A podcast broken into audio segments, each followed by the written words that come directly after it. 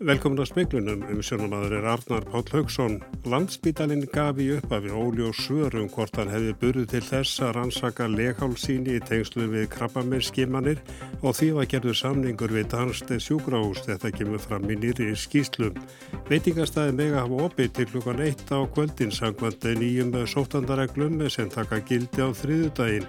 Ekkert er samkómula leikur enn fyrir á alþingjum afgreifslu mála fyrir þinglokk. Um 6.700 launamenn nýttu sér hlutabótaleiðina og heildar bótagreislu námum 28 miljónum króna. Gildist tími úrvæðisins rann nú út um mánaðamótin. Verðandi fórsættistar á þeirra Ísrael segir að tveggja hálsás stjórnakreppu sé loksins lokið. Stjórnarsáttmáli nýra ríkistjórnar var undirreitar í dag. Kristján Níundi, Hannes Hafstein og Jón Sigursson er að fara í viðgerð. Vinna hefstu stýttuna tvær við stjórnaráði eftir helgi og verði Jón Fossiti tekinn svo í kjölfarið. Landsbytalinni gaf í upphafi óli og svörum það hvort hann hefði burði til þess að rannsaka leghálsíni í tengslu við krabba með skipanir og því var gerður samningur við Danst sjúgráhús. Þetta kemur fram í nýri skýslu sem Haraldur Brími fyrirverandi sótvatnalæknir vann fyrir heilbriðs á þeirra um breytingar á skipulagi leghálskimana. Yfirlegnir á meinafræði deildi landsbítalans segir þetta ekki rétt og að viðbröðu spítalans séu rántúlkuð í skýslunni. Ákverðun heilbreyðisráðherra um að flytja leghálsíni úr skimunum við krabbamenni úr landi til greiningar hefur verið hardlega gaggrind. Þingmenn stjórnarandstöðunar fóru fram á að heilbreyðisráðherra skilaði alþingi skýslu um ákverðunina. Skýslan var byrt í dag og þar segir að upphaflega hafi verið lagt til að landsbítali tækjaði sér greiningu leghálsína. Svör spítalans hafi verið óljós og yfirmaður meinafræði deildar spítalans hafi svarað því til að það krefðist sérhæfð starfsfólks tækjabúnaðar og húsnæðis sem spítalin hefði ekki. Deildin teldi ekki ástæðu til að óska eftir að sinna rannsóknunum.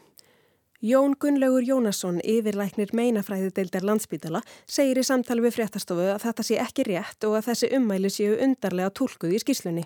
Ekki hafi verið óskað eftir því við hann að deildin tækja að sér að greina síni. Eingungu hafi verið beðið um verðmat á verkefnunu og spurt hvort sínafjöldin væri nægur til að starfsfólk gæti viðhaldið faglæri færnisinni.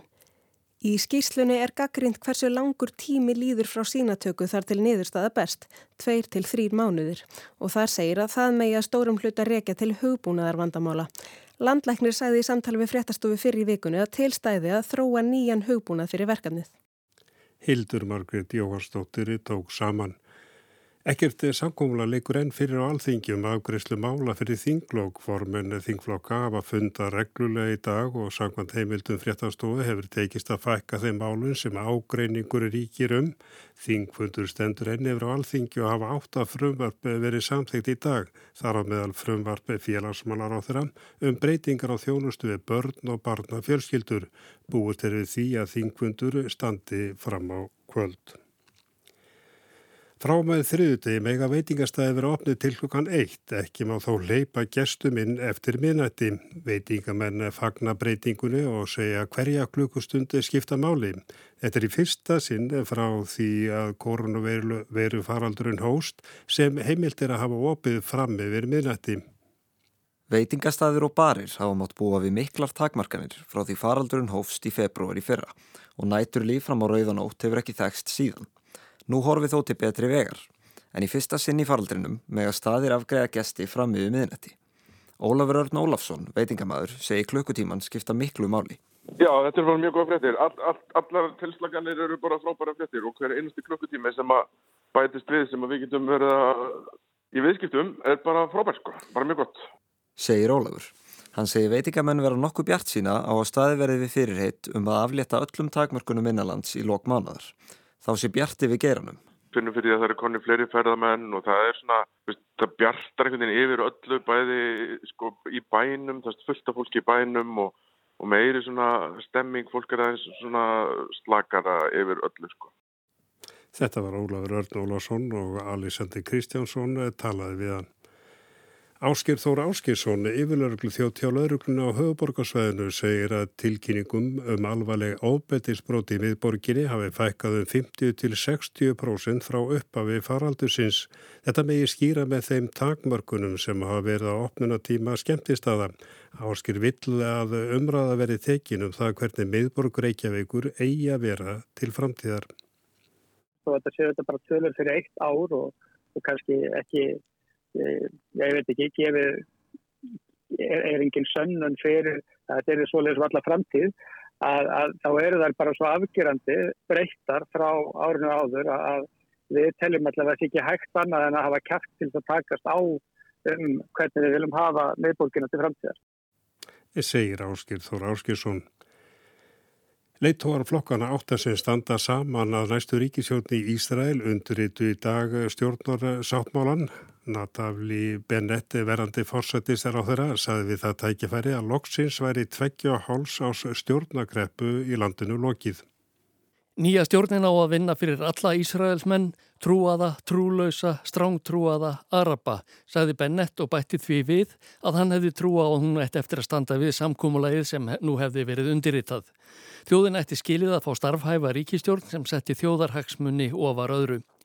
Samkvamt nýja stjórnarsáttmálanum á að reysa tvö sjúkrahús á kjörtjamabilinu, opna einn flugvöll til viðbótar og koma á fót háskóla í Galilegu.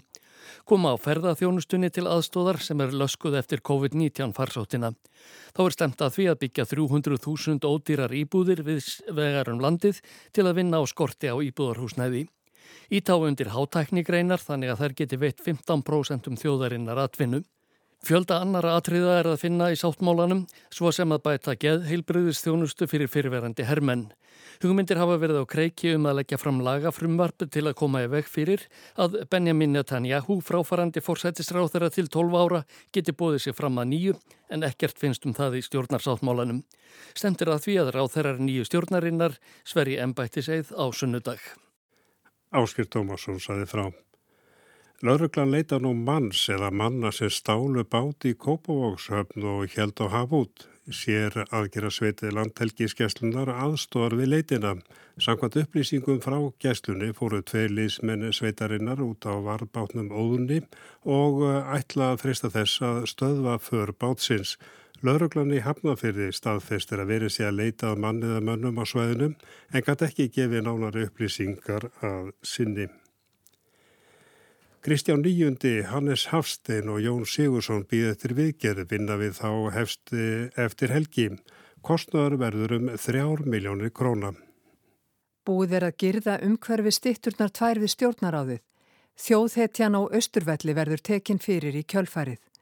Listasafn Reykjavíkur hefur umsjón með stittum bæjarins og er eftirlit og viðhald með útilistaverkum á meðal verkefna.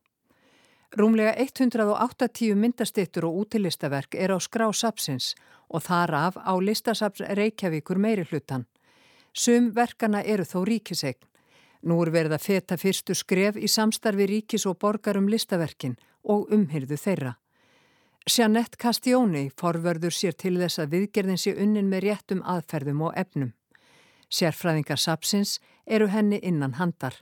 Sigurður Trösti Tröstason er deildarstjóri sapneignar listasaps Reykjavíkur. Það eru, við erum með ákveðin menningaverðmæti náttúrulega hundunum sem þarnast uh, viðhalds. Alveg eins og, og hvað sem er sem stendur utan dyrra þá, þá er það náttúrulega uh, forgengilegt og, og, og þarnast þessum að sinni því.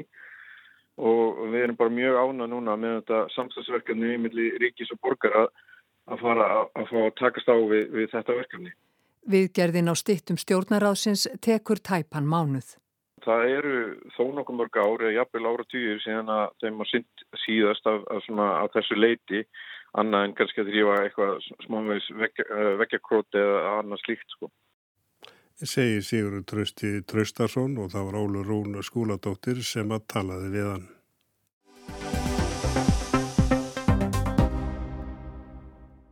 Hlutabóta leiðin sem hefur verið í bóði frá því marsi fyrra ransitt skeiðum síðustu mánaðamót. Rúmlega 36.500 launamenn nýttu sér þetta úrræði og yfir 6.700 fyrirtæki. Heildar bætur sem voru greitar námutæpum 28 miljardum króna.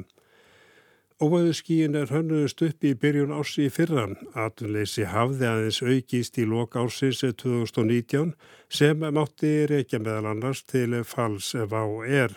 Var í oktober það árið 3,8%, mjakaðist upp á við og var komið í 5% í februar í fyrra. Engin vissi hvað var í vendum, kórnuveiran var byrjuð að breyðast út. 11. mars lísti alþjóða heilbriðismálastofnuninn yfir heims faraldri. Atunleysið hér á landi jógst í marsmánuðum vegna þess að það þrengdi að í ferðarþjónustunni. Heildar atunleysið mældist 9,2%. Almennt atunleysi í mars var komið í tæpi 6% og 3,5% atunleysi vegna þeirra sem voru komnir í mingað starfslutvall byrjað var að nýta hlutabótaleðina. 13. mars var lagt fram frumvarp á alþingi með hlutabætur og lög samþekti viku síðar. Þau hvaða áum að atunreikendur gætu skert starfslutfall starfsmannan að hámarki niður í fjörðung. Starfsmenn gáttu svo fengi atunleysisbætur vegna þess sem upp á vantaði. Ásmundur Einar Daðarsson, félagsmálar á þramælti fyrir frumvarpun og alþingi, hann saði nöysilegt að bregðast við þrengingum sem væra verða í íslensku efnaðslífi sem hann vildi trúa að erðu tímabundnar. Síðan á 50. morgun þegar að ljóstu var að bandaríkin hefðu lokað á allt flug frá Evrópu og þar með væri, e, þar með væri í rauninni ferðaþjónustan í enn meira uppnámi en eh, áætlanir gerðu ráð fyrir þá ákváðum við fyrir hátíð á fimmtudaginn að við skildum klára þetta frumvarp, við skildum reyna að koma því inn í þingið sem fyrst þannig að, fyrirtæki sem væru að ráðast í endurskipulagningu og eru að því bara þessa klukkutímana gætu, brugðist við. Þannig að sólarhing síðar var þetta frumvarp, eða rétt rúmu sólarhing síðar, um 30 klukkustundum síðar var þetta frumvarp afgreitt úr ríkisstjórn, uh, úr þingflokkum stjórnarflokkanna og var síðan dreift hér á Alþingi á föstudagskvöldið. Uh, síðan auðvitað, rétt eins og fjármálaráðherra og fleiri hafa komið inn á, eru hlutirnir að breytast mjög hratt. Síðan auðvitað höfum við séð bara síðustu sólarhringa hefur enn aukið á, á þetta, m.a. með lokunum einstakra landa á flug eh, síðan sjáum við fréttir frá því í morgun um að hugsanlega séum við að sjá enn meiri lokanir gagnvart eh, Evrópu. Þetta var ásmundur einar á Alþingi 17. mars 2020. Laugin átt að gilda til 1. júni. Síðan hafa þau verið framlengt en okkur sinnum og um sömarið var 25% hlutfallinu breyti í 50%. Að starfsmenn mættu ekki verið í minna hlutfalli en 50% til eiga rétt á hlutabótum. Það var líka skert á ákvæðum um rétt fyrirtækja til að nýta sér þessa leið. Það komi ljós að fyrirtæki sem glýmdu ekki við samdrátt hafðu nýtt sér úræðið nokkur endur greitu bætunar sem starfsmenn þeirra hafðu fengið. Í ljós koma til dæmis eh, stóðtækja fyrirtæki össur, hagar og skeljungur hafðu nýtt sér hlutabótalegina og sum þeirra greitu eigundu sínum arð á sama tíma. Katrin Jakobsdóttir, fórsættisráþur að sagða að lögunum erði breytt. Markmið hefði verið að tryggja afkomu fólks og ráningar samband þess. Nei, en að sjálfsögðu þá var ekki ætlinan svo að stöndu fyrirtæki væru í raun og veru að nýta sér þetta í raun neyðarúræði til þess að greiða niður laun sinna starfsmanna. Saði Katrín. Sankvæmt upplýsingum með vinnumálastofnunar nýttu yfir 36.500 launamenn sér bótaleðina og rúmlega 6.700 atvinnureikundur. Heldar bóta greiðslur vegna úræðisins er námu tæpun 28 miljórum krónan. Lang flestir voru á hlutabótum fyrstu mánuðin eftir að lögum þær tóku gildi. Strax í mars raug fjöldin upp og náði hámark í april. Þá voru rösklega 34.000 manns á hlutabótum og þann mánuð námu bótagreislurnari 8 miljónum krónan eða um 30% af heildar útgjöldunum. Hlutabóta leiðin hefur unnið sitt skeiði laga ákvæðum hanna fjallur gildi 31. mæ síðastliðin. Í mæ voru tæplega 3500 manns í minguðu starfslutvalli sem svara til 0,9% aðunleysis En hvað verður um þetta fólk fær það aftur sín fyrri störf að fullu? Við búumst við því að, að langt flestir af þeim sem hafa verið á hlutabótum við rauninni fari í fullt starf bara í kjölfar þess að þetta úrræði fellur niður og uh, ríkið borgar með semst, borgar styrk til atvinnreikanda sem, sem að ráða sitt fólk inn á í fullt starf eða sama hlutfall og áður var segir Birna Guðmustóttir deildastjóri hjá Venumálastofnun. Drífa Snædal fórsið ASI segir að hún hefði viljað að hlutabóta leiðin yrði framlengt. Á móti kemur stuðningur frá stjórnvöldum til þess að fara aftur upp í stafslutvall hlutabótaleiðin var náttúrulega ætlu til þess að viðalda ráðningasamböndum og sérstaklega út af sko stöðum sem þurft að draga sama seglin út af samkominntakmörkunum og, og hérna fækkum ferðamanna. Eh, það er verið að leta samkomin takmarkanir, ferðamenn eru fartir að koma aftur til Íslands þannig að út frá þeim forsendu þá er ekki sérstök ástæði til ætla að hlutabótilegin að hún renni sitt skeið hérna e, hafi erfið áhrif. Við hefðum hins vegar vilja að sjá hana framlengda þánga til við erum þess fullviss að við þurfum ekki á hana halda lengur. Það verða kannski ekki mikla breytingar þó að hlutabóta leiðinni hafi verið hægt. Fyrirtæki eiga að kosta að nýta sér átækið hefjum störf og það er í bóði fyrir hvern og einn einstakling í sex mánuði og úrræðinu á að ljúka í haust. Haldur Benjamin Þorbergsson og Frankværtasjóri samtaka atvinnlýfsins lísti í gæri í speiklinum yfir miklum áhugjum á því að atvinnreikendur ættu í stökustu vandraðum með að ráða fólki í störf sem þeir væri að auglýsa tölur sína að það dregur eh, þó nokkuð úr atvinnleysi en óttast hann að það komi bakslag í haust. Ég held að við getum ekki útilokkað. Auðvitað vona ég og ég finn það hringin í kringum landið að það er byr í seglinn um þessar myndir og byrtingarmynd þessi er annars vegar að ferðarþjónastan er að ná vopnum sínum á nýjanleik og það er farið að ganga betur í ymsum greinum atvinnulífsins. Það er raun sama hvort við lítum til sjávarútvegs, við getum hort til stóriðju þar sem að í bara verða á alþjóðamörkuðum hafa verið mjög hagstað undanförnu og vonandi verður þetta með þeim hætti að við séum að ná vopnum okkar á nýjanleik. Hins vegar er hættan svo og það er það sem ég met að sé svona stæsta hættaninn í sumarið að eftirspurnin verði til staðar en ef að við náum ekki utan um þennan vanda sem að byrtist okkur á vinnumarkaði núna tiltölulega hratt getur við lendið þeirri stöðu að það sé eftirspurn í íslenskri ferðarþjónastu sem við náum ekki annað vegna þess að það tekst ekki að ráði í öll störf og við höfum vara við þessu núna undarfarnar 12 til 18 mánuði og því miður er hefð fyrirsjámanlega rungerast. Þetta var Haldur Benjamin Þorbergsson. Ádeli Breitlands, eh, Boris Stjórsson, fórsættistur á þeirra breyta, tekur á móti þjóðaleitóum hinna G7 landana um helginna meðal annars til að sína styrk Breitlands utan ESB. En á þessum fyrsta fundi fórsættis ráþara við Joe Biden, bandaríkja fórsýta, stelur Brexit deila breyta við ESB aðtegli breskra fjölmila frá alþjóðamálunum. Það var létt yfir Boris Johnson, fórsætsráðherra, þegar hann og Carrie Conans tók á móti Jill og Joe Biden bandaríkja fórsýta í gær, fyrsti fundur þeirra. Wow, well, it's a great, great pleasure. Þetta óvá Johnsons þegar hann settist niður fyrir framann myndavélarnar með Biden og bauði fórsetan velkomin viltist hjá einlaglega yfir þyrmandi atburð. Leðtúarnir mörguðu þennan fyrsta fund með því að undirrita endur nýjan Atlamsas sáttmála. Háleið tilvísun í sáttmála Winston Churchills fórsætsráþara breyta og Franklin Roosevelts upphafið að heimskipan friðartíma eftir setni heimstyrjöldina. Um leið og fórsetin lendi í Breitlandi á miðgudaginn fóru fórsetahjónin á fund bandarískra hermana. Bóðskapurinn bergmálaði orð bætens undanfarið. Við viljum gera heiminum það ljóst að bandaríkin eru aftur mætti leiks til að takast á við þau mál sem helst varða framtíð okkar. We're going to make it clear that the United States is back and democracies of the world are standing together to tackle the toughest challenges and the issues that matter most to our future.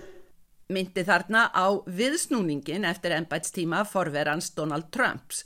Ímser nánustu ráðgjafar Bidens eru sagðir muna hvað Johnson virtist hrifin af Donald Trump sem rósaði Johnson líka ákaft væri kallaður Breski Trump sem væri rós því þar væri fólk hrifið af sér. They're saying Britain Trump. They call him Britain Trump and people are saying that's a good thing. That they like me over there. Í ráðgjafahópi Bidens eru margir úr teimi Barack Obama fyrir um fórsetta sem muna niðrandi orð Johnsons um Obama. Allt þetta er í farteski Bidens sem sjálfur er þekktur fyrir að skapa létt og gott andrumsloft en vera líka beinskeittur á fundum fjari myndavélunum. Myndir svona funda eru oft áhugaverðar. Myndin sem Biden kaus að týsta af sér og gæstgjafanum sínir Biden með handlegin um Axlir Johnsons, svona eins og til vinsamlegrar leðsagnar. Fyldarlið Johnsons á leðtúafundi G7 segir sitt um óvænt fundarefni. Fyrir utan utarkisráð þeirra er aðeins einn ráð þeirra í för. David Frost, Brexit ráð þeirra.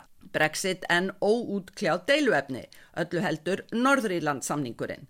Leiðin sem Johnson valdi út úr ESB um áramótin bjóð til annan vanda, landamæri millir Norðurílands og Bretlandsæja. Talað um pilsudeiluna snýst um matvaleftilit.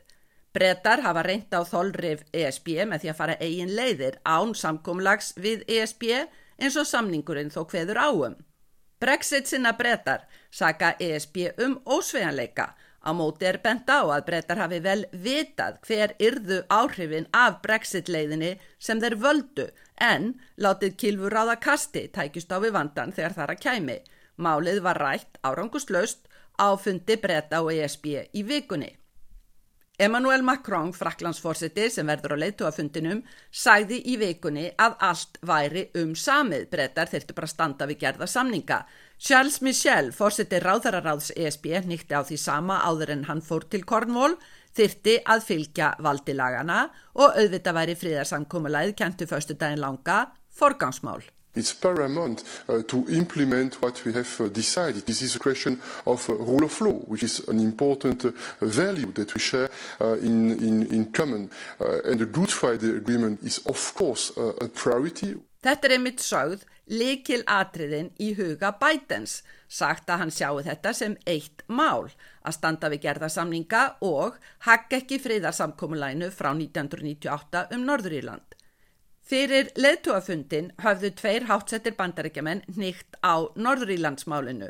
Jake Sullivan, öryggisraðgjafi Biden, sagði viðtali að þó málið væri vissulega milli breyta og ESB, væri það líka mikið áhugjöfni fórsetans.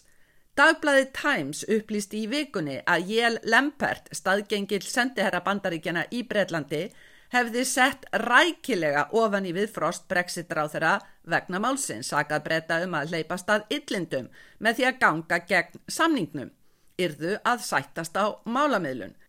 Það myndi ekki skada hagsmunni þeirra í viðskiptasamningu við bandaríkin, rauk breyta fyrir að andæfa lausn ESB. Eftir 80 mínútna fund þjóðarleitóna í gær var Johnson spurður hvort fórsetin hefði kvartan til að semja nú um þetta. No, he didn't. But what I can say is that the um, America, the United States, Washington, uh, the UK, plus the European Union have one thing we absolutely all want to do, and that is to uphold the Good Friday, the Belfast Good Friday Agreement. Nei, það gerðan ekki, saði Johnson. Hins vegar ættu Bandaríkinn, Breitland og Evrópusambandi það sameilegt að vilja standa vörð um friðarsamkúmulæðið. Brexitað Bretland vil gerðnan sína tök sín á stóru heimsmálunum, Kína, COVID, öryggis og umhverfismálum, án Brexit skuggans. Á móti eru leðtúar ESB-ríkjana án Eva áfram um að nýta nú viðveru bandamannsins Bidens. Sigrun Davísdóttir saði frá. Og þá til Noregs. Stjórnmálamenni reyna að ná til kjósendum internetið. Þeir nýta sér fjölbreytt úrval af miðlum á netinu til að koma bóðskap sínum út. Ofinbæra stopnarnir eru hornarinn á netið, bankarnir líka. Þetta er enn meira áberandi nú á tímum pestarinnar en var áður. Í Nóri er jáfnframt bent á að stór hópur fólks, jafnvel milli 10 og 20% landsmanna, hafa engin nót af tölvum á neti og þetta er nú orðið kostningamál í Noregi. Sendur var út spurningalist um tölvunvotkun fólks og kynni þess af netinu. Internetinu sem norðmenn urðu í árdaga þess frægir fyrir að segja að væri bara tískubóla og hyrfi fljótlega úr hverstegi fólks. Svörin síndu að margir voru afar vel að sér um þetta tækni undur og notuðu netið ekki bara daglega heldur ótal sinnum á dag til að sinna daglegu amstri og skemmtun. En ekki svöruðu allir. Það kom líka í ljós að um 600.000 manns hér til lands vissu ekkert um netið, svo gagn væri að, og notuðu kvorki tölfur nýjast njálsíma. Það er ríflega 10% landsmanna.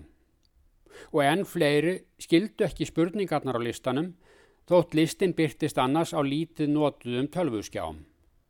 Flest á listanum var það óskiljanleg vandamál eins og tvöfalda öryggiskódun á tölvupóstum, fátt var því um svör. Og þetta verður kostningamál hér fyrir stórþingskostningarna 13. september í haust. Flokkarnir hafa haldið landsfundi sína til undirbúa baráttuna og allt á netinu. Miðflokksmenn undir fórastu Tryggvi Slagsvold veðum líka og hans mál er aðgengilegt á YouTube. En hann gerði einmitt þetta umræðu efni. Töluverður hluti þjóðarinnar hefur ekki náða að fylgja eftir tækni þróun síðustu ára og er bjargarlaus gagvart miklu af ofinberi þjónustu þess vegna. Formaðinu sæði það sem hann hóf landsfundaræðu sína med kaffibotla i hönd ved eldhusbordet heima. Og ligger det nesten en slags sånn underforstått forståelse at alle kan løse alt digitalt. Og slik er det ikke. For eksempel, eh, om faren blir ikke fornærmet når jeg sier det heller. For eksempel sånn som faren min syns noen ganger det kan være litt vanskelig. Og da vi såpass nært at jeg kan hjelpe til. Sånn... Það er eins og öllum að skiljast að allt verði leist í tölvum en svona er það ekki. Fadir minn móðgast ekki þó ég segi að þetta vefjist mjög fyrir honum, sagði veðum formáður flokks bænda, báður er þeir feðgar bændur. Staðan hefur versnað nú á tímum pestarinnar, á rúmu ári hefur netið fengið aukna þýðingu en því fer fjari að þar séu upphafið. Fyrir nokkrum árum var til dæmi stopnað sérstatar áðuneyti tölvumála til að auka stafræna þjónustu í landinu. Hið ofinbera geti sparað mikið á að koma sem mestri þjónustu inn á netið. Þjónustan er því skilvirkari, hraðari og færðist svo nærri fólki að ofinbera stopnani væri nú með útibú svo að segja inn á hverju eldhúsborði í landinu. En formaðunum bent á að svona væri ekki staðan við eldhúsborðið hjá fjölda þeirra sem þyrtu mest á ofinberi þjónustu að halda. Engin mætir ofinberum starfsmannum lengur augliti til auglitis. Man skal sentralisere det bort fra folk, men i tillegg har man også kortere åpningstid. Vanskeligere med de menneskelige møtene. Og det er kanskje fordi folka som er aller mest sårbare, som nettopp trenger den der menneskelige kontakten. Vi ser det i skatt. Vi ser det på tingretter. Det er masse eksempler. Det er med dette folk, som er vant til å løse sin mål i samskifte med raunverulegar mennesker, sa formannen, og var ikke vant med å nevne mange stopnader som er horfnar inn á netið hafa engar opnar skrifstofur eða kannski sára fáar fyrir landið allt og aðeins opnar stuttastund á dag. Bankar er í stórum dráttum hornir. Hvergi er að hægt að borga rekninga eða taka út peninga eða legginn. Allt fer fram í netböngum. Skatturinn hefur lagt mikla vinni að gera öll eðublöð auðskiljanleg og allar lausnir nánast sjálfvirkar. Gott mál en dugar skamt ef 600.000 borgarar hafa aldrei opnað tölvu. Vit ekki hvað þetta gera við líkilord til að opna tölvuna. Eðlilega er þetta kostningamál sem varðar stóran hóp kjósenda og líka þá sem einhver nót hafa þó af tölvum eins og formaður miðflokksins benti á. Vandi veðums formans er hins vegar sá að boðskapur hans er bara á netinu. Og það var Gísli Kristjánsson í Oslo sem sagði frá lítum aðeins til veðus, lægir og stittir upp í nótt, austlag 8-5-10 metrar á sekund á morgun og bjart með köplum og þurft, gengur í austan 10-15 sunnan til annað kvöld með dálítilli rigningu á þeim slóðum. Og hitti 6-14 stig hlýjast söðvestan lands. Við sögðum meðal annars frá því í speiklunni í kvöld að landsbytalinni gaf í upp að við óli og svörum hvort hann hefði burði til þess að rannsaka legál síni í tengslu við krabbameir skimanir og því var gerður samningur við Danst sjúkrahús. Þetta kemur fram í nýri skýslu sem verður sagt betur frá í frettum sjónvarslökan 7. Veitingastæðir meiga hafa opið til hlukan 1 sangvað nýjum sótvarnareglum sem eiga taka gildi á þriðudagin eftir helgi og ekkir samkómula liggur enni fyrir á alþingi um afgreifslu mála fyrir þingflokk, þinglokk og eftir því sem næstu eru komið stendur þingfundur enn á alþingi. En það er ekki fleira í speklunum við kvöld, teknimaður var Mark Eldred, verið sæl og góða helgi.